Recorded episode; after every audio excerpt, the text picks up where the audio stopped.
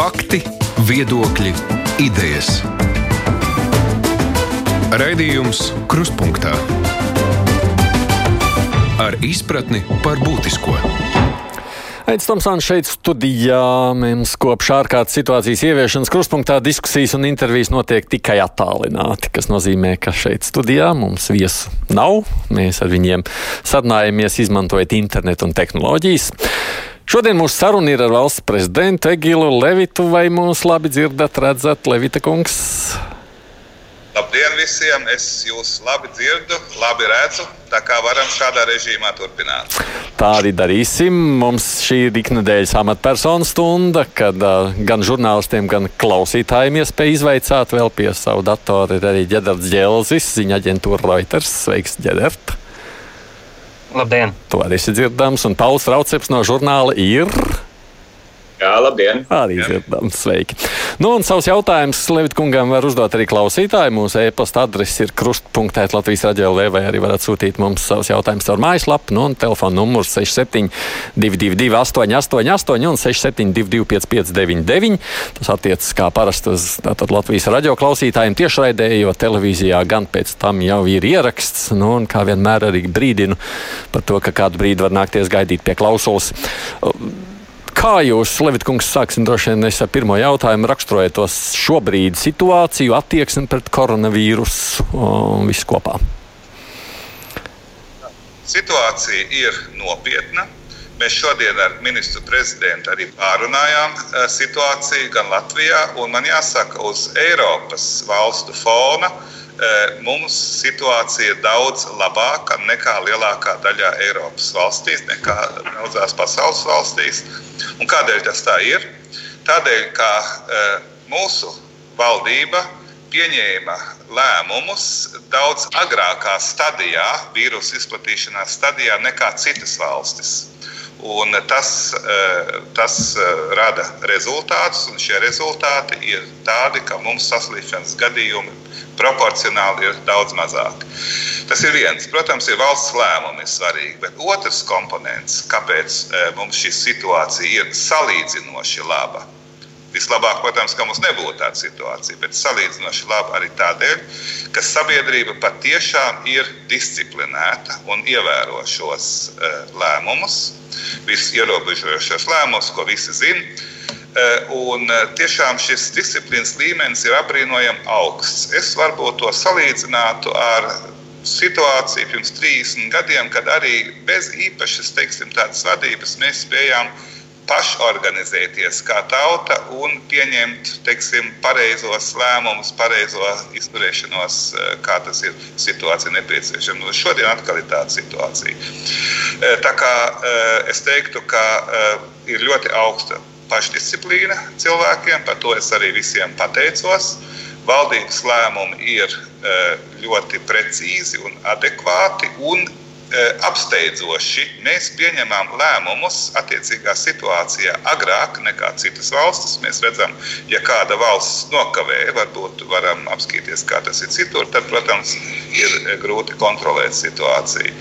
Vienlaicīgi, protams, visiem ir jāraugās, lai patiešām visi arī ievērotu šos noteikumus. Ja, piemēram, 99% ievēro un 1% neievēro, tas, protams, rada lielas sekas mums visiem ir jāskatās, protams, jāievēro pašiem, bet arī jāpaskatās apkārt. Un policija ir arī gatava, un, un policija arī to dara, kontrolē situāciju gadījumā, ja notiek šo noteikumu pārkāpšana. Mm. Jā, jā droši dzirdēt.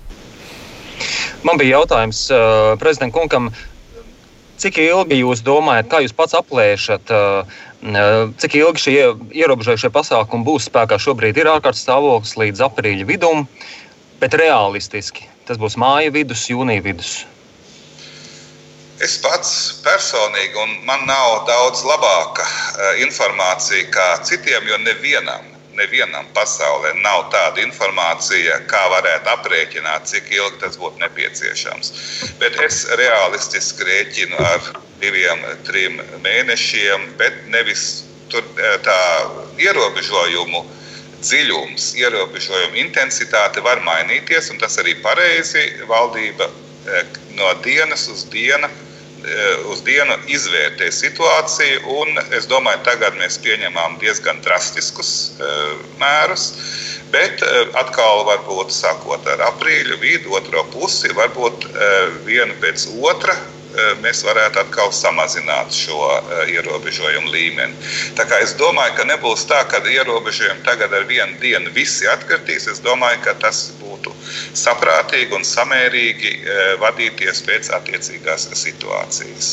Un valdība tiešām ļoti ehm, teiksim, precīzi novērtē situāciju, un tādēļ arī mums visiem ir jāsako līdzi.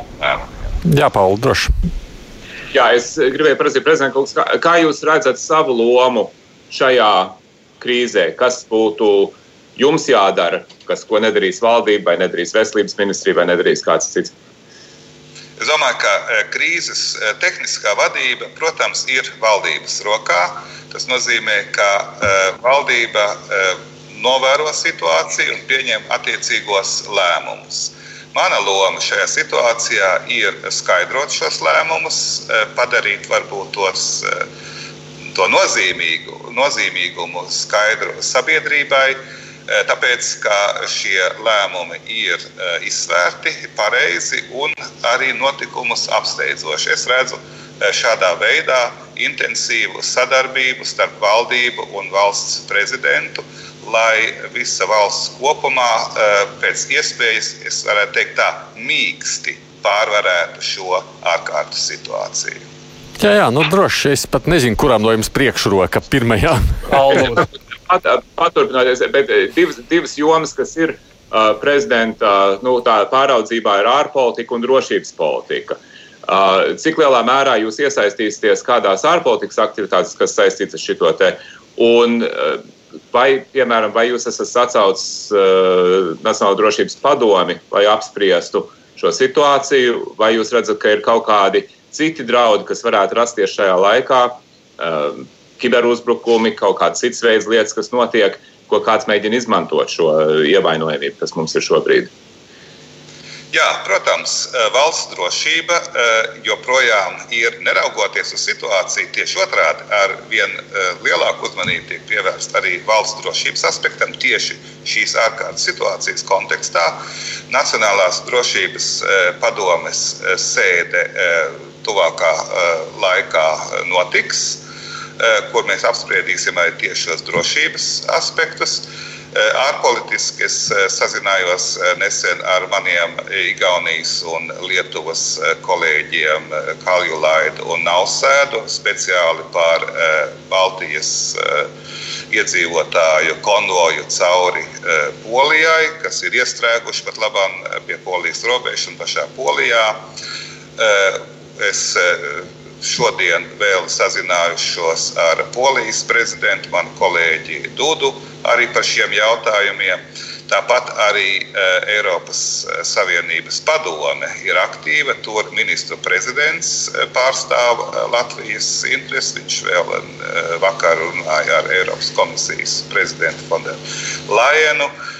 Eiropas Savienības rūpju centrā ir nodrošināt preču apriti visā Eiropas Savienībā. Tādā veidā, lai, eh, sakot, pēc iespējas mazāk eh, ciestu ekonomika. Un, protams, eh, tas ir, jo mūsu ekonomika ir diezgan lielā mērā atkarīga no piegādēm un arī no mūsu eksportiem. Līdz ar to mēs esam interesēti, ka, ka personu kustība tiek ierobežota, un es teiktu, drastiski ierobežota, bet vienlaicīgi preču kustība turpinās. Jā, jā ģēdēt, droši. Man interesē jūsu vērtējums, raugoties uz notikumiem, kas notiek uz Polijas, Vācijas robežu, tīri arī no tādas solidaritātes viedokļa Eiropas Savienības valstu vidū. Jums ir kaut kādi izdarīti pirmie secinājumi par pirmajām mācībām no, šī, no šīs krīzes, ko vajadzētu varbūt mainīt Eiropas Savienības tādā plašākā skatījumā, ja starp valstīm, teiksim, ja, ja gadās šādi vīrusi arī turpmāk? Jā. Uh Eiropas Savienības kompetencē nav tieši šāda veida krīzes vadība. E, tas joprojām ir katras dalībvalsts e, pamatkompetencē, un tos arī tās dara. Taču, protams, ir ļoti labi un svarīgi, ka valstis koordinē savu rīcību. Un, ko mēs redzam, ka šī rīcība bieži vien ir nekoordinēta. Mēs varam redzēt, ka dažas valstis varbūt reaģē pārāk, pārāk stingri. Uh, varbūt, protams, sargājot savus iedzīvotājus, bet vienlaicīgi solidaritāte attiecībā uz citām dalību valstīm varbūt nav viņu redzesloka redzeslokā vai, vai vismaz uzmanības centrā. Un es domāju, ka šis jautājums noteikti arī pēc šīs ārkārtējās situācijas nokārtošanās, kas noteikti būs, kas noteikti būs, arī būs um, jārunā Eiropas Savienības līmenī, kā mēs šo solidaritāti arī institucionāli uh, nodrošinām šādās situācijās. Kādas ir cerības, jo te jau vairāk cilvēku prasa par tām rindām, tālbraucējiem un vispār, kas brutāli sēž uz robežas? kā tad mēs beig beigās varēsim viņiem palīdzēt, tie mūsu paši pilsoņi? Tagad par uh, Poliju. Uh, es jau teicu, es uh, sazināšos ar Polijas uh, valsts prezidentu, arī Igaunijas valsts prezidentu un Lietuvas valsts prezidents ir jau runājis ar Polijas kolēģi. Nu, mēs, protams, kā varam teikt, spiedīsim uz to, lai šis jautājums tiktu atrisināts tā arī, ka mūsu pilsoņi tiek uz mājām. Ja vēl no klausītājas puses prasot, viens e, klausītājs, kurš Jānis saka, viņš šobrīd dzīvo un strādā Lielbritānijā, bet viņš tiešām gribētu tā tikt atpakaļ uz Latviju. Viņam bija paredzēts 15. aprīlī pārcelties atpakaļ uz Latviju. Viņam ir cerības vispār, proti, kad tad varētu nu, šādā veidā repatriēties kādi cilvēki. Es domāju, ka ārkārtas eh, situācijā eh, mēs primāri eh, domājam par tiem cilvēkiem, kuri patiešām iesprūduši, ja tā varētu teikt, uz robežām, un arī tiek ar, vis, ar visiem līdzekļiem, kas ir mūsu rīcībā. Es sevišķi šeit gribētu uzteikt mūsu diplomātisko dienestu, mūsu ārlietu ministriju. Mēs cenšamies šo patiešām krīzes situāciju uz robežām atrisināt. Es ceru, ka tas tā arī e, izdosies. Tiem cilvēkiem, kuri teiksim, tā, regulārā veidā e, grib pārcelties, ja tā iespēja pastāvēs, protams, e, arī var, ja būs kāda, kādas iespējas, tad transporta iespējas. Bet, nu, ja tāds nav, tad es teiktu, tad jāpagarina sava uzturēšanās mītne zemē, līdz transporta iespējas atkal parādās. Un es vēlreiz uzsveru, ka visa šī ārkārtas situācija ir patiešām eh, uz laiku. Un pēc zināma laika, tā sakot, es pats rēķinu teiksim, divi, trīs mēneši realistiski. Atkal, protams, atjaunosies normālā dzīve, un tad, protams, arī transporta iespējas pastāvēs kā, kā līdz šim. Jā, kolēģi, droši. Jā, es par to, es par to cik ilgi šis ilgs mēs redzam, ka Ķīnā viņi ar diezgan uh, skarbiem autoritārā režīmā pieejamiem līdzekļiem ir spējuši tagad samazināt jaunu infekciju skaitu no apmēram divu mēnešu laikā. Bet tas tiešām prasīja uh, milzīgas provinces, 59 miljonu cilvēku lielās provinces pilnīgu aizslēgšanu, uh, pēc būtības uh, piespiedu karantīnēšanu cilvēkiem, ja viņiem parādās temperatūra un piespiedu pārbaudas un tā tālāk. Uh, cik lielā mērā jūs domājat, un mēs bieži arī dzirdam no valdības pārstāvjiem, ka redz, mums demokrātiskā valstī nav pieejami šie līdzekļi, kas, piemēram, būtu pieejami tādā Ķīnā. Cik lielā mērā jūs uzskatāt, ka ar mūsu esošo likumdošanu Uh, un politisko sistēmu un kultūru mēs spējam tik, uh, tik veiksmīgi tikt galā ar šo izaicinājumu. Es domāju, ka tieši Latvijas priekšrocība ir tā, ka mēs ļoti laicīgi un agrīnā vīrusu izplatīšanās stadijā jau pieņēmām diezgan nopietnus uh, lēmumus. Tādus kā citas valstis, ieskaitot Ķīnu, vēl agrīnā stadijā nepieņēma. Tas nozīmē, ka vīrus ir ja varētu teikt, izsprucis. Tad, protams, to ir daudz grūtāk ierobežot. Tur nepieciešami ir patiešām ļoti, ļoti drastiski pasākumi. Arī tie ir Latvijas eh, valdības rīcībā. Es to uzsveru, ka tie ir Latvijas valdības rīcībā, ja tādi būs nepieciešami. Eh, bet katrā ziņā mūsu pašreizējo ierobežojumu intensitāte, tātad ierobežojumu smagums, ja es varu teikt, ir lielāks nekā to prasītu epidemioloģiskā situācija. Tā kā es tiešām domāju, ka, protams, epidēmija izplatās, bet galvenais ir epidēmijas izplatīšanas ātrums. Tas mums ir daudz mazāks.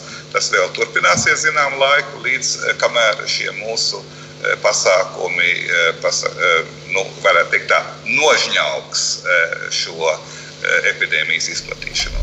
Bet, ja, ja es, ja es drīkstu par šo paprasīt, jo pēc būtības, cik ir redzami dažādi pētījumi, gan no Itālijas, nāk, gan no Dienvidkorejas, gan arī no Ķīnas, šķiet, ka apmēram puse cilvēku ir inficēti, bet neuzrāda simptomus. Tātad viņi ir izplatītāji, bet viņiem nav, bet viņi paši to neapzinās. Pat labāk mēs testējam tikai cilvēkus, kuriem ir, kas atbilst kritēri, diviem kritērijiem, ka viņiem ir simptomi un ka viņi bijuši ārvalstīs. Cik lielā mērā mēs varam būt pārliecināti, ka tomēr Latvijā nav ievērojams skaits cilvēku asimptomātiski, kas izplatīja šo slimību, kur tad parādīsies pēc nedēļas, divām, kur mēs neesam paspējuši noķert. Jā. Tāda iespēja pastāv pat labāk. Situācija tāda, pateicoties šiem ierobežojumiem, ka visi gadījumi līdz šim ir tādi, kur mēs varam konstatēt, kur ir notikusi šī, šī infekcija. Tiksim, un pamatā tā ir notikusi ārzemēs. Tā kā pie mums visus gadījumus līdz šim var identificēt, kādā veidā infekcija notikusi. Uh, ir cita situācija tajās valstīs, piemēram, Itālijā, kur tas vairs nav iespējams, kur ir tā saucamā endēmiskā infekcija. Notiek vienalga, vai tu esi bijis ārzemēs vai neesi bijis ārzemēs, uh, vienalga, teiksim, kādā veidā, to vairs nevar, to, to vairs nevar izsekot. Un mēs ļoti ceram, ka šī situācija varētu pēc iespējas ilgi tikt noturēta. Vai tā patiešām tiks noturēta, to mēs nevaram pateikt, jo tas, protams, ir epidēmija.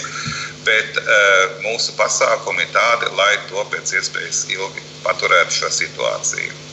Kā mēs joprojām varam pateikt, kur cilvēks ir inficējies, un līdz ar to arī apzināt to loku, ar ko viņš ir saskāries, un tos attiecīgi ir noteikti. Jā, jā, jā. jā Teiksim, ja mēs runājam par tiem ierobežojumiem, vai jūsuprāt arī uh, būtu sagaidāms tas, ka iekšzemes pasažieru pārvadājumi tiek būtiski vai krasi samazināti, ierobežoti? Teiksim, starp pilsētām arī nu, tīri sadzīviski. Teorētiski tā, ja notiek šī, šī tāda endēmiska, ja, ja epidēmija kļūst endēmiska to šo svešvārdu apzīmē tad, ja vairs nav nosakāms, kur tieši konkrētā persona ir inficējusies. Tādā gadījumā ir jānosaka uh, karantīna uh, vai, teiksim, protams, cilvēkiem, bet arī ierobežojumi transportā, satiksmē noteiktiem reģioniem, noteiktām pilsētām, noteiktām ciem, noteiktiem ciemiem. Tas, tas pat labāk, piemēram, tā tas notika Ķīnā? Šajā, šajā Ukraiņas pilsētā un vēlāk provincē.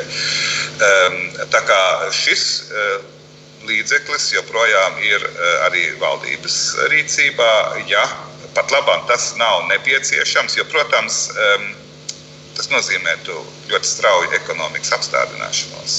Tagad ir jāizsver, vai tas ir, eh, vai tas ir nepieciešams šajā situācijā. Tomēr, ja šī epidēmija kļūs endēmiska, un mēs varēsim teikt, pieņemsim, kaut kādā pilsētā X, ir vairs nav iespējams eh, identificēt, kur cilvēks ir inficējies, kur to ķēdi izsekot. Tādā gadījumā ir iespējams noteikt arī šos iekšzemes uh, ierobežojumus. Bet pirms ģedēt, es tev dodu vārdu, es tomēr skatos arī no tiem klausītājiem, kur mums vairākas vēstules jau nāk ar cilvēkiem, kur viņi stāsta par sev zināmiem, tomēr radiniekiem, kas atgriezušies no ārzemēm un neievēro šo te karantīnu, prasot, vai tiešām nevarēja visus tos ielidušos un saslimušos kaut kādā piespiedu kārtā, nu, vismaz vairāk uzmanīt nekā ko viņi dara tajā brīdī.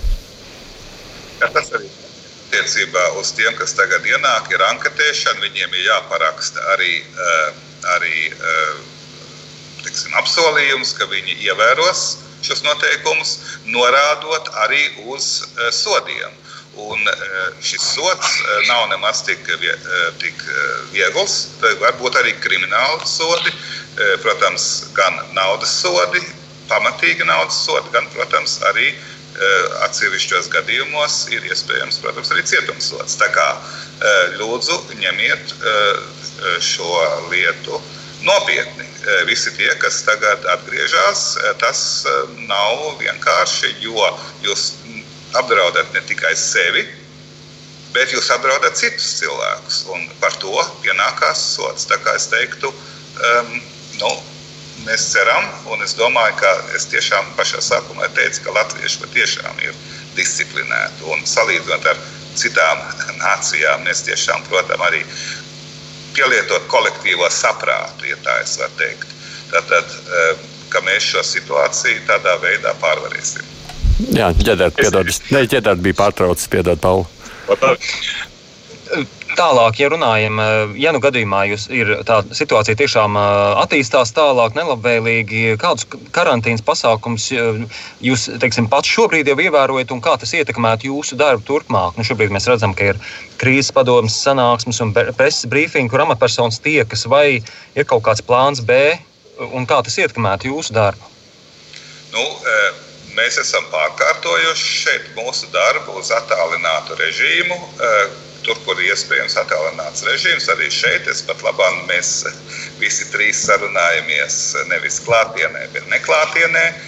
Eh, un tas, protams, ir ļoti svarīgi, jo ir svarīgi uz laiku pārtraukt vai samazināt, eh, tur, kur tas ir eh, iespējams, tātad samazināt personīgo kontaktu.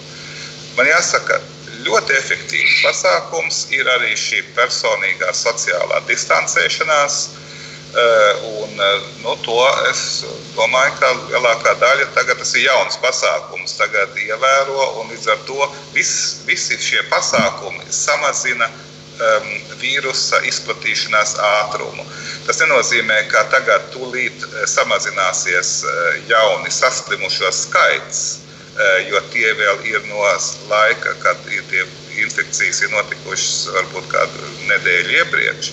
Bet katrā ziņā eh, teiksim, es domāju, ka tas viss ir eh, efektīvi un mēs varam redzēt arī starptautiski, eh, ka mūsu pasākumi ir patiešām tādi, kas ir efektīvi un, protams, visi cietīs no šīs ārkārtējās situācijas. Taču es domāju, ka Latvija cietīs mazāk pateicoties mūsu cilvēku disciplīnai un, un eh, pateicoties eh, valdības efektīvajiem un apsteidzošajiem lēmumiem.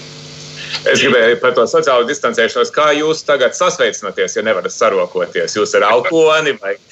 Nē, es sasveicinos japāniski. Tas ir paklanoties, vai arī, vai arī kā budists šādā veidā. Labi, jā. Un arī vēl. Tie ir, tie ir, kā sakot, pasaulē pazīstami sasveicināšanās veidi. Ar elkoni tas man, liet, man liekas drusku nērti, bet katram ir savs veids. Jā. Vēl tālāk, papildinot eh, šo tēmu, eh, kā tas ir jums un pārējām augstākajām amatpersonām, vai šobrīd jau tiek pārbaudītas, uz, uz uh, veikti testi jūsu veselībai, teiksim, premjeras pārējām augstākajām amatpersonām, vai būs kaut kāds brīdis, kad to sāks darīt? Jo Mūrnieces kundzei tikai tikko bija ziņa, ka viņai negatīv, uh, negatīvs rezultāts. Jā. Eh, pat labāk eh, šādi testi nav veikti. Par to var domāt. Varbūt tiešām tādi būtu jāievieš. Pat labāk, vispārējā kārtība. Ja un vispārējā kārtība nozīmē, ka tests tiek veikts tad, ja ir divi, divas, divas vietas kumulatīvi, tad gan viens, gan otrs. Viens ir Eh, kontakts ar vienu inficētu personu, viens, un divi, kad pašam ir kaut kādi uh, simptomi. Tad tiek veikts tests, un tas pat labāk attiecās uz amatpersonām. Bet, protams, mēs varam domāt, ka varbūt uh, amatpersonām var ir, izdarīt arī ekstra testus. Jā, tas ir varbūt veselības ministrijas uzdevums. Mm -hmm. Ja drīkst, es mēģināšu uzklausīt kādu telefonu zvanu. Halo! Uh, labdien! labdien. Es gribētu prezidentam kungam uzdot kad es ieraudzīju tās šausmīgās rindas, kas brauc mājā, kā jūs domājat, kas tur sēž iekšā? Vai kāpēc visi tagad bēg uz to Latviju atpakaļ? Kāpēc nepaliek tur, kur viņi saslima? Un kāpēc visi brauc mājās un šeit pakļauj ļoti daudz cilvēku? Mm -hmm. Tātad eh, vispirms eh, nav tā, ka visi ir saslimuši saslimuši ir tikai neliels procents eh, no tiem cilvēkiem, kas tagad eh, brauc mājās. Bet visus, eh, visi tiek reģistrēti un visiem, gan tie, kas ir saslimuši, ko viņi tajā brīdī droši vien nezina, gan arī tie, kuri nav saslimuši, ka tie nonāk pašizolācijā. Tā kā, e, tā kā nevar, protams, teikt, ka kāds tagad ir atbraucis, viņš automātiski slims. Bet viņam neatkarīgi no tā, tāpēc, ka zināms risks pastāv, ir jāiet pašizolācijā. Un kādēļ mēs to darām? Es domāju, ka tā ir e, mūsu kopējā solidaritāte arī attiecībā uz mūsu iedzīvotājiem, mūsu pilsoņiem, latviešiem, kuri ir iestrēguši e, ārzemēs, un kuri atgriežas, atgriežas eh, mājās, jo šeit viņiem ir mājas. Eh, Pirmīt es runāju par teiksim, vienu gadījumu, kurš bija jau domājis pārcelties regulārā veidā, teiksim, ieplānojis aprīļa vidū. Tur es teicu, ja ir iespējams, jā, bet uh, droši vien būs jāpagaida, kamēr būs uh, situācija nomierinājusies. Mm -hmm. Kurš tad pirmais bija Pauls? Jā, es, es gribēju paprasīt. Um, Mēs runājam par to, ka latvieši ir pastiprināti. Mēs zinām, ka ir uh, Latvijā dzīvo arī nozīmīga iedzīvotāja daļa, kuri informāciju saņem krievu valodā. Uh, un vīrus nepazīst atšķirības starp latviešiem, krieviem, ang amerikāņiem, angļiem, vāciešiem, poļiem. Ja, teiksim, tas ir pilnīgi vienalga. Uh, cik lielā mērā mēs spējam Mēs, protams, varētu cerēt, ka viņi saņems informāciju latviešu valodā, bet objektīvi tā tas nav. Un šajā situācijā mēs viņus ātri nepārmācīsim. Tātad tas jautājums ir, kas tiek darīts, lai nodot viņiem ticām informāciju un panākt, ka viņi arī uzticās, ka šī informācija ir nopietna un ka viņi arī atbilstoši rīkojas. Kas ir, kas ir tie ceļi, kā to izdarīt? Tad pirmais punkts ir tas, tas atkal pierāda, ka šī um, informācijas telpas dalīšana, kad viena daļa cilvēku neatrodas garīgi, mentāli mūsu valstī, ir, protams, eh, slikta vienmēr, bet daudz sliktāk tā ir šādās ārkārtas situācijās. Un eh, par to ir eh, arī nopietni jādomā. Tas, protams, atbalsta arī izglītības reformu valsts valodā un tā tālāk. Tie, protams, ir ilgstoši pasākumi. Un nekādas atrunas, nekādas atvainošanās šeit nevar būt. Eh, vēl. Un otrs, eh, veselības ministrija patiešām arī eh, informē cilvēkus arī Krievijas valodā par situāciju un aicina ievērot visu visus eh, pasākumus. Tā kā arī ir patiešām ir informācija Krievijas valodā. Te varbūt no manas puses tāda maza piebilde. Man ir nācies sarunāties ar pāris krieviem iepriekšējās dienās, kas pārtiek eh, no, no televīzijas vai no tādiem tikai krievu medijiem, un viņi ļoti labi informēti, kas nozīmē, ka acīm redzot, kaut kādā veidā tā informācija līdz viņiem tomēr ir nonākusi. Es drīkstu, es vēl vienu klausulis pacelšu. Halo! Uh, labdien! Labdien! Eh, godātais prezidents kungs, eh, protams, veselību mums visiem. Es gribētu uzdot jautājumu un jūsu arī eh, kādu viedokli par iepriekš krīzēs, kad laikā daudz mūsu valsts iedzīvotāji dēļ premjerministra Valdombrovska izgudrotā un ieviestā nekustamā īpašuma nodokļa zaudēja savas mājas. Ja jūs zināt, tad Rīgas teritorijā viena nīna parāda dēļ tika 5000 īpašumu atņemt. Eh, ņemot vērā pašreizējo situāciju, varbūt ir īstais brīdis eh, beidzot šo eh, nožēlojumu nodokli pārtraukt un šo iedzīvotāju padzīšanu no mājām arī pārtraukt. Kāds ir jūsu viedoklis? Paldies! Būs arī cita tematika. Jā. Tātad par nekustamā īpašuma nodokli ir teiksim, diskusijas, par to arī ir ierosināts to atcelt vai vismaz samazināt. Katrā ziņā tam ir jābūt sabalansētam tautsājumnieciski, ekonomiski, jo, protams, tas arī ir valsts ieņēmums. Tā kā es teiktu, tam ir jābūt tādam, ko cilvēki var samaksāt. Attiecībā uz to, ko jūs teicāt, ka cilvēki um, atstāja Latviju, es domāju, tieši šo iepriekšējās, teiksim, toreizējās krīzes laikā. Es teiktu tieši otrādi. Šodien, šajā situācijā, šīs ārkārtas situācijas gadījumā, Latvija ir pat drošāka nekā tās valstis, uz, kuriem, uz kurām agrāk cilvēki izceļoja. Un, uh, es redzu arī, ka piemēram ārzemju studenti uh, labprātāk paliek Latvijā, pārziemot šo ārkārtas situāciju, nekā atgriežas savā, savā valstī. Es domāju, arī tas, ka uh, ekonomiskā situācija tajās valstīs, kuru, kuras tiks vairāk skartas no šīs epidēmijas, un mēs jau redzam, es tiešām ierosinu salīdzināt tos skaitļus, kas ir Latvijā ar, ar to, kas ir citās valstīs. Ir tāda, ka teiksim, nebūs īpaši pievilcīgas valstis, kurām, kurās situācija e, būs daudz, daudz labāka nekā Latvijā. Es teiktu, ka es e, nedomāju, ka e, šī ārkārtas situācija veicinās kaut kādu emigrācijas vilni. Es teiktu, drīzāk otrādi. Drīzāk otrādi respektīvi, zināmas atgriešanās vilnas. Pirms tikai dot ģenerētam vārdu, atgādinu, šeit mums ir saruna ar valsts prezidentu Gilu Levitu. Tā notiek attālināti, viņš Rīgas pilī, mēs katrs savā vietā, um, un vēl man kolēģi arī katrs savā. Tātad ģenerēts Džels no ziņa aģentūras Reuters un Pauls Rauceps no žurnāla ir. Raidījums Krustpunktā. Jā, ģenerēt.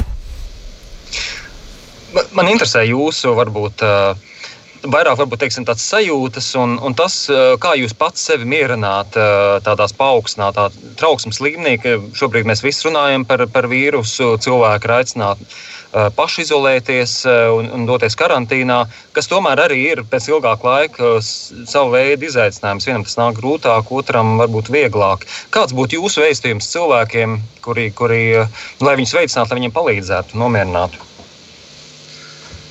Es pats pēc dabas esmu mierīgs cilvēks, un es domāju, ka ar vēsu prātu raugoties, situācija ir nopietna, bet tā ir tikai uz laiku. Mīļie cilvēki, šī ārkārtas situācija beigsies, droši vien paies daži mēneši, un tā beigsies.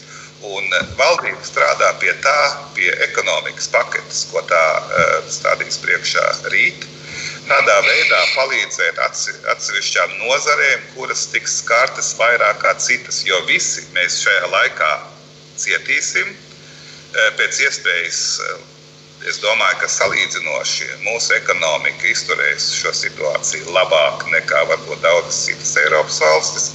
Bet uh, uzdevums ir tas, lai, kad beidzās šī ārkārtas situācija, šodien sākot šo ārkārtas situāciju. Katrs atradās noteiktā pozīcijā, noteiktā vietā. Lai kā šī ārkārtas situācija beigtos, tad pēc tam mēs varētu atgriezties atkal uh, savā vietā, savā pozīcijā, kā sākumā. Tas ir šis uh, mērķis.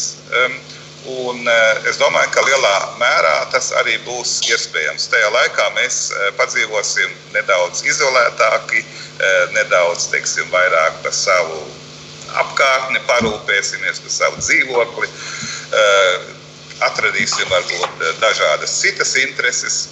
Eh, bet atkal mēs atgriezīsimies šajā izējas situācijā. Un es teiktu, tā lielākā daļa atgriezīsies. Tā kā izmantosim šo izdevību arī varbūt attīstīt varbūt citas intereses, par kurām līdz šim nav bijis laika. Es redzu, ka um, Raudzes kungam aizmugurē ir daudzas, daudzas grāmatas. Noteikti būs laiks palasīt vairāk nekā.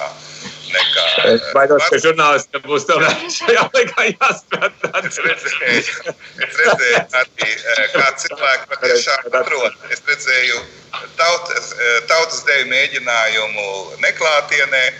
Um, un vēl viena lieta.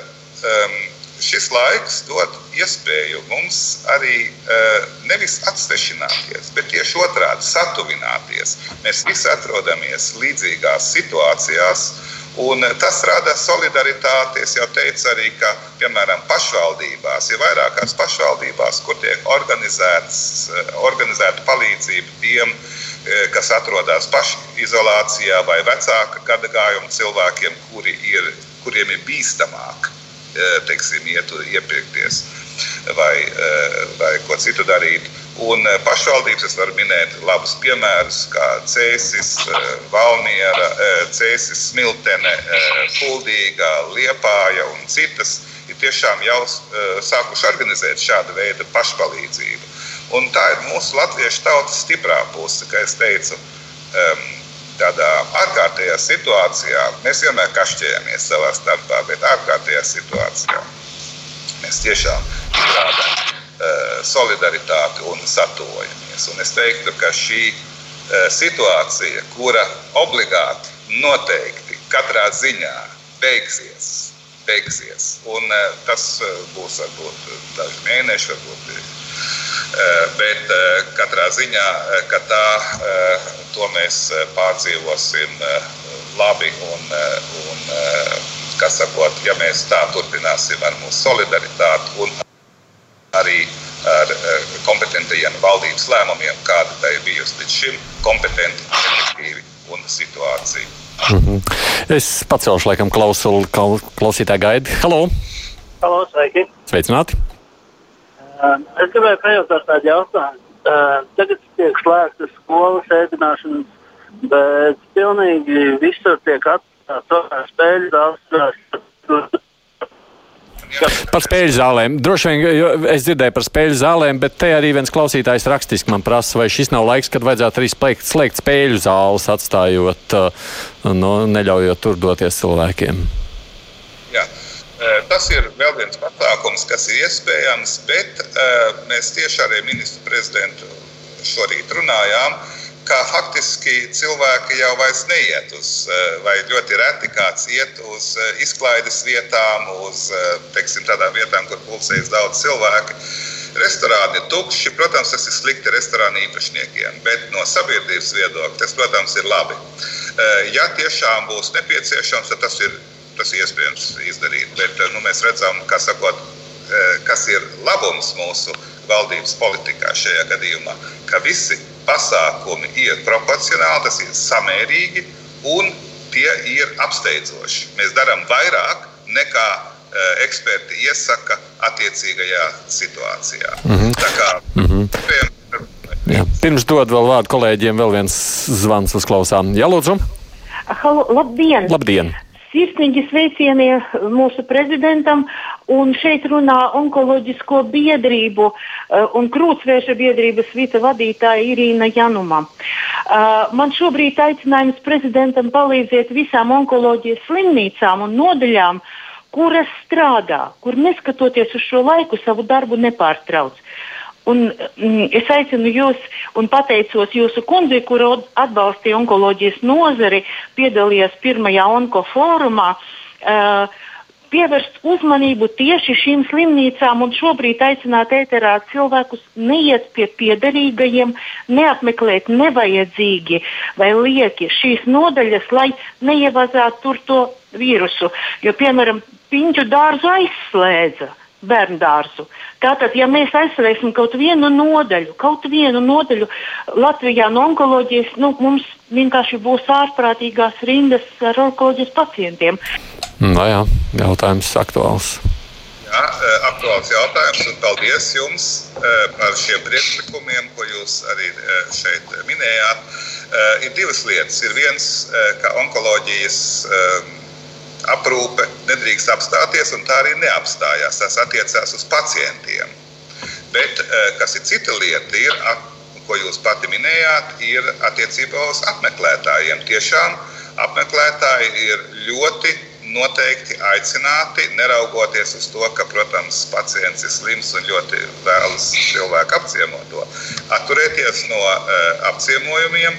Es domāju, ka arī slimnīca uz to norāda. Es zinu, ka ir norādes uh, daudzos vecoļaužu, daudzās vecoļaužu mītnēs un tālāk lūdzu neapciemojiet. Un tas arī pareizi, un uh, onkoloģija, protams, uh, turpina darboties. Mm, jā, Pauli, lūdzu. Es, jā, es uh, gribēju Pats tādēļ mums šonadēļ žurnālā ir intervija ar uh, ministru Viņķālu, kur viņš saka, lielākā problēma šobrīd ir nevis nauda, bet personāls, ka Latvijā trūkst medmāsu un tās ne par kādu naudu tagad nevar sarūpēt. Mēs arī zinām, ka, ka cik lieli uh, konflikti pagājušajā gadā bija par mediķu algām. šī, šī gada budžetā, un ka tās netiek, tā, tas algas netika pieliktas tik ļoti, kā, nu, tā, kā bija solīts. Tajā pašā laikā šobrīd mediķi ir frontes pirmajās līnijās aizsargājot visu sabiedrību no šī vīrusa. Kas būtu jūsu vēstījums šobrīd tieši medicīniskam personālam, tiem, kas, tiem, kas mūs pasargā no šīs Jā. epidēmijas? Es domāju, ka visa sabiedrība, visa valsts ir milzīgi pateicīga mediķiem, gan ārstiem, gan māsiņām, visam medicīniskajam personālam, sanitāriem un, un citiem, kuri notur šo sistēmu, lai tā sistēma darbotos. Un šī sistēma pat labāk darbojās eh, teiksim, uz eh, tādā veidā ļoti intensīvi, lai aprūpētu un eh, pacientus un noturēt šo sistēmu. Tā, kā, eh, tā tiešām ir varonība, un es pateicos visiem, kas strādā šajā jomā. Tāpat, protams, ir arī policija, ugunsdzēsēji un citi dienesti, kuri turpina savu darbu. Es gribētu pateikties arī pārdevējām, jo pārdevējs visu dienu sēž pie kases un eh, apkalpo pircējus. Eh, un, eh, protams, tas arī ir, ir viens zināms riska elements pašām pārdevējām. Tā kā visi tie, kas turpina savu darbu, savus pienākumus, eh, tiem visiem pienākās mūsu sabiedrības eh, atzinība un pateicība. Attiecībā uz veselības sistēmas reformu tā, protams, ir, ir aktuāla joprojām, ieskaitot, protams, arī samaksu, arī teiksim, finanses. Tas viss, protams, paliek tāpat kā izglītības reforma, administratīva, teritoriālā reforma tā tālāk. Tas, protams, viss paliek, paliek spēkā. Eh, iespējams, ka tur var būt eh, dažādas nobīdes, eh, varbūt laikā sakarā ar šo ārkārtas situāciju, bet valsts ir ļoti komplekss mehānisms, kurš strādā visos virzienos. Mēs runājam iepriekš arī par aizsardzību. Tā kā es teiktu, visi strādā. Tagad daži dienesti vai dažas profesijas strādā daudz intensīvāk nekā parasti. Mediķi, piemēram, citi atkal ir eh, vairāk vai mazāk teiksim, tādā brīvākā režīmā, bet visi kopā mēs eh, šo ārkārtējo situāciju pārvarēsim. Varbūt es varētu pateikt vēl vienu lietu, ko es labprāt minētu. Šādas ārkārtas situācijas ir ļoti izdevīgas, vai teiksim, tā ir augsne, tā kā purvs, kas zināmā laikā um, teiksim, daudz vairāk visādu knišķu un mošķu radās, e, baumas, konspirācijas teorijas un tā tālāk, ir sevišķi sociālajos tīklos. Mīļie cilvēki, informāciju var iegūt nevis sociālajos tīklos, ka kāds ierēdnis vai kāda tante teikusi vai kaut ko redzējusi. Pilnīgi konsekventi. Neticiet, kas ir sociālajos tīklos, ticiet uzticamiem informācijas avotiem, uzticamiem informācijas avotiem, nopietniem informācijas avotiem. Tie ir uh, lielie uh, preses izdevumi, mūsu sabiedriskā televīzija, komerctelevīzija, uh, it sevišķi arī uh, valdības uh, teiksim, informācijas avots, kā Latvijas vēstnesis, kur var atrast visu oficiālo informāciju un tā tiks vēl paplašināta Latvijas vēstnesis tātad un citi uzticami avoti. E, un, Tur, protams, ir sociālos tīklos arī jēdzīga informācija, bet vienmēr jāpārbauda, e, vai uzticamie avoti, es varu uz, uzsveru vārdu uzticamie avoti, arī to pašu apstiprina. Jo, teiksim, ir samērā viegli, teiksim, manipulēt ar cilvēkiem, apzināti vai neapzināti, celt paniku vai, vai teiksim, maldināt cilvēkus, piemēram, e, kas tagad parādās, ir kaut kādi līdzekļi pret, e, pret šo epidēmiju un tā tālāk. Sakot, viss, e, kas sakot, skatieties ar to ar pietiekoši saprātīgu neusticību un uzticaties tikai tiem, informācijas avotiem, eh, kurie, kurus es minēju, kuri ir. Jā, jā, jā. Tas ir arī svarīgs pienesums, jūsu individuālais pienesums ārkārtējās situācijas nu, ierobežošanā vai likvidēšanā. Mhm. Ģedert, lūdzu. Nu, savā ziņā paturpinot šo tēmu, šajās dienās, kad cilvēki tiešām mazāk iziet ārā uz ielas, strādā no mājām, nu, tā slodze izmantot internetu krietni pieaugusi. Es tā pieņemu. Vai teiksim, jūs ar atbildīgiem dienestiem, saviem padomniekiem esat pārunājis to situāciju, vai ir kaut kādas ievainojamības, vai, vai, vai Latvijas infrastruktūra spēja, spēja to izturēt, vai ir iezīmējušās kādas problēmas? Līdz šim attiecībā uz interneta pieejamību nekādas problēmas, nu, acīm redzot, valsts līmenī nav manītas. Um, ir kiberdrošības jautājumi, kā vienmēr. Mēs redzam arī, kad ir ļaunprātīgi, iespējams, no kādiem varbūt nelabvēlīgām valstīm inspirēti. Mēs redzam, ka Čehijā bija kiberuzbrukums kādai eh, ļoti strateģiski svarīgai slimnīcai vai citā valstī ar kaut kādām veselības dienestām. Latvijā tas nav novērots, bet katrā ziņā eh, mums ir eh, sakot, jābūt uzmanīgiem arī šajā jautājumā. Bet, ja jūs tieši jautājat par internetu pieejamību, nē, līdz šim nekādu problēmu ar to nav bijis. Es pacelšu klausuli, ja drīkst klausītājs Vans Jelūdzu. Labdien! Labdien. Ir zināms, ka Covid infekcijas platās ļoti strauji. Mēs visi zinām, ka specializētās maskas nepietiks visiem, un arī tās nespējas pasargāt iedzīvotājus. Tad kāpēc gan nevarētu iepirkt gāzmaskas un varētu ar tām droši aizsargāties? Paldies, uz redzēšanos! Tātad eh, attiecībā par šo tehnisko jautājumu par gāzmasku izmantojamību, es domāju, tur es jums atbildēt eh, nevarēšu. Tas ir eh, jājautā speciālistiem. Bet attiecībā uz eh, maskām un arī uz citu aparatūru Latvijas valsts ļoti, ļoti intensīvi cenšas iepirkt visu nepieciešamo aprīkojumu Problēma ir tā, ka tās valstis, kur tas tiek ražots, ir noteikušas vismaz de facto izvešanas, eksporta aizliegumu vai ierobežojumus. Un, eh, un, eh, teiksim, bet Latvijas valsts ir ar mieru maksāt daudz, lai šo panāktu. Un ir zināmi arī teiksim, jau kanāli, eh, kur ir droši vien arī tas notiks. Vienlaicīgi ir arī eh, Latvijas uzņē, uzņēmumi, uzņēmēji, kuri eh, domā par to un pārbauda iespējas, vai, piemēram, maskas var tepat uz vietas sarežot, kas nav tik komplicēta lieta, un arī tas tiek, kā sakot, ņemts vērā. Jā, kolēģi, ir kāds jautājums jums? Pauli, ģenerēt. Ģedērs laikam kaut ko teiks tūlīt. Jā, es labprāt uh, pajautātu vēl, atgriežoties pie dienestiem. Uh, teiksim, ja mēs runājam par robežsardzes dienestu, tad pieņēma valdība lēmumu atcelt visus starptautiskos lidojumus un reisus, un tajā pašā laikā es pieņemu, ka varbūt savā ziņā būtu bijis efektīvi arī slēgt robežas, vai ne? Un, bet tas droši vien prasītu arī papildu robežsardzes resursus. Vai jūsuprāt, tur būtu kaut ko, ko mainīt, lielāku pienesumu dot robežsardzes dienestam? Ehm, redziet, ehm, austrumu robeža ar Krieviju un Baltkrieviju mums jau sen ir slēgta. Ehm, attiecībā uz robežu ar Igauniju un Lietuvu tur jau kontrolē Igaunijas robežsargi un Lietuvas robežsargi. Līdz ar to de facto notiek jau šī kontrole. Un, protams, lidostā mūsu robežsargi kontrolē. Tagad lidojumu skaits faktiski tuvojās nulei.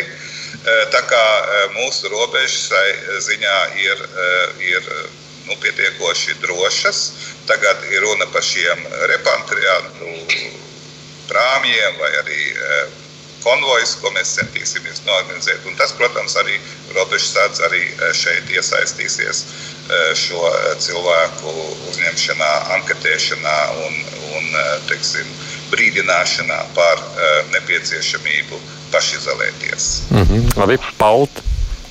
Ko, uh, varbūt jūs pas, varat pastāstīt, ko jūs pats ikdienā darat pēc tā, ka jūs tā kā budisti vai japāņi sveicināties, uh, ko jūs darat, lai pasargātu sevi un citus no iespējamas aprutināšanās? Jā, Nu, mēs esam lielu daļu mūsu pasākumu, katrā ziņā pasākumu, ar, ar kur ir vairāki cilvēki, kurus var atcelt, tos mēs esam arī atcēluši. Tas nozīmē, starp citu, Eh, ka sākot ar vasaru un rudeni līdz eh, Ziemassvētkiem mums būs ārkārtīgi, ārkārtīgi pilns kalendārs ne tikai, ne tikai valsts prezidentam, bet jebkurai institūcijai, jebkuram uzņēmumam.